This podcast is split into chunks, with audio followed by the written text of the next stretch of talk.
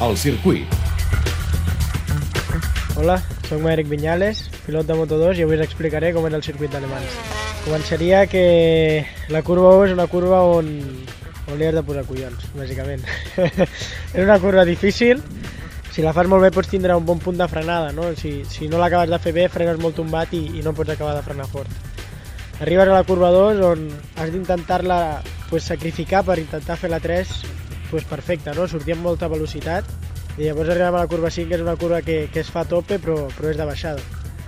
Llavors, intentar no frenar gaire tard perquè la 6 es tanca i, i si no te'n vas llarg. La curva 6 és una curva molt normal, no té res especial, l'únic que és de fer la sortida molt bé, no? Eh, després la frenada cap a la 7, difícil, baixada, hi ha molts de batxes, has d'anar amb cuidado cap a l'esquerra. Un cop ja has passat els batxes has d'intentar fer una bona accelerada per, per arribar ràpid a la 8. La 8, una curva que m'agrada molt, on has de frenar molt i molt tard i has de, de retrasar molt la curva per intentar sortir molt ràpid, no? perquè després ens ve una recta molt llarga i has d'intentar sortir el màxim de ràpid possible.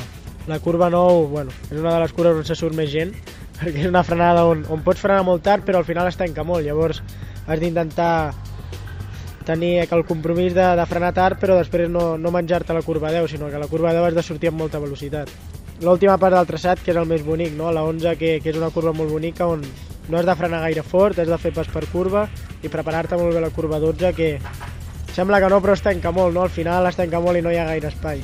I la 13 preparar-te-la molt bé, crec que de la 12 has de sacrificar una mica l'acceleració per intentar la 13 frenar fort i, i, i entrar bé a la curva i entre la 13 i la 14 quasi sempre anem per al piano al, límit i la 14 intenta accelerar molt bé que, que et ve tota la recta. No?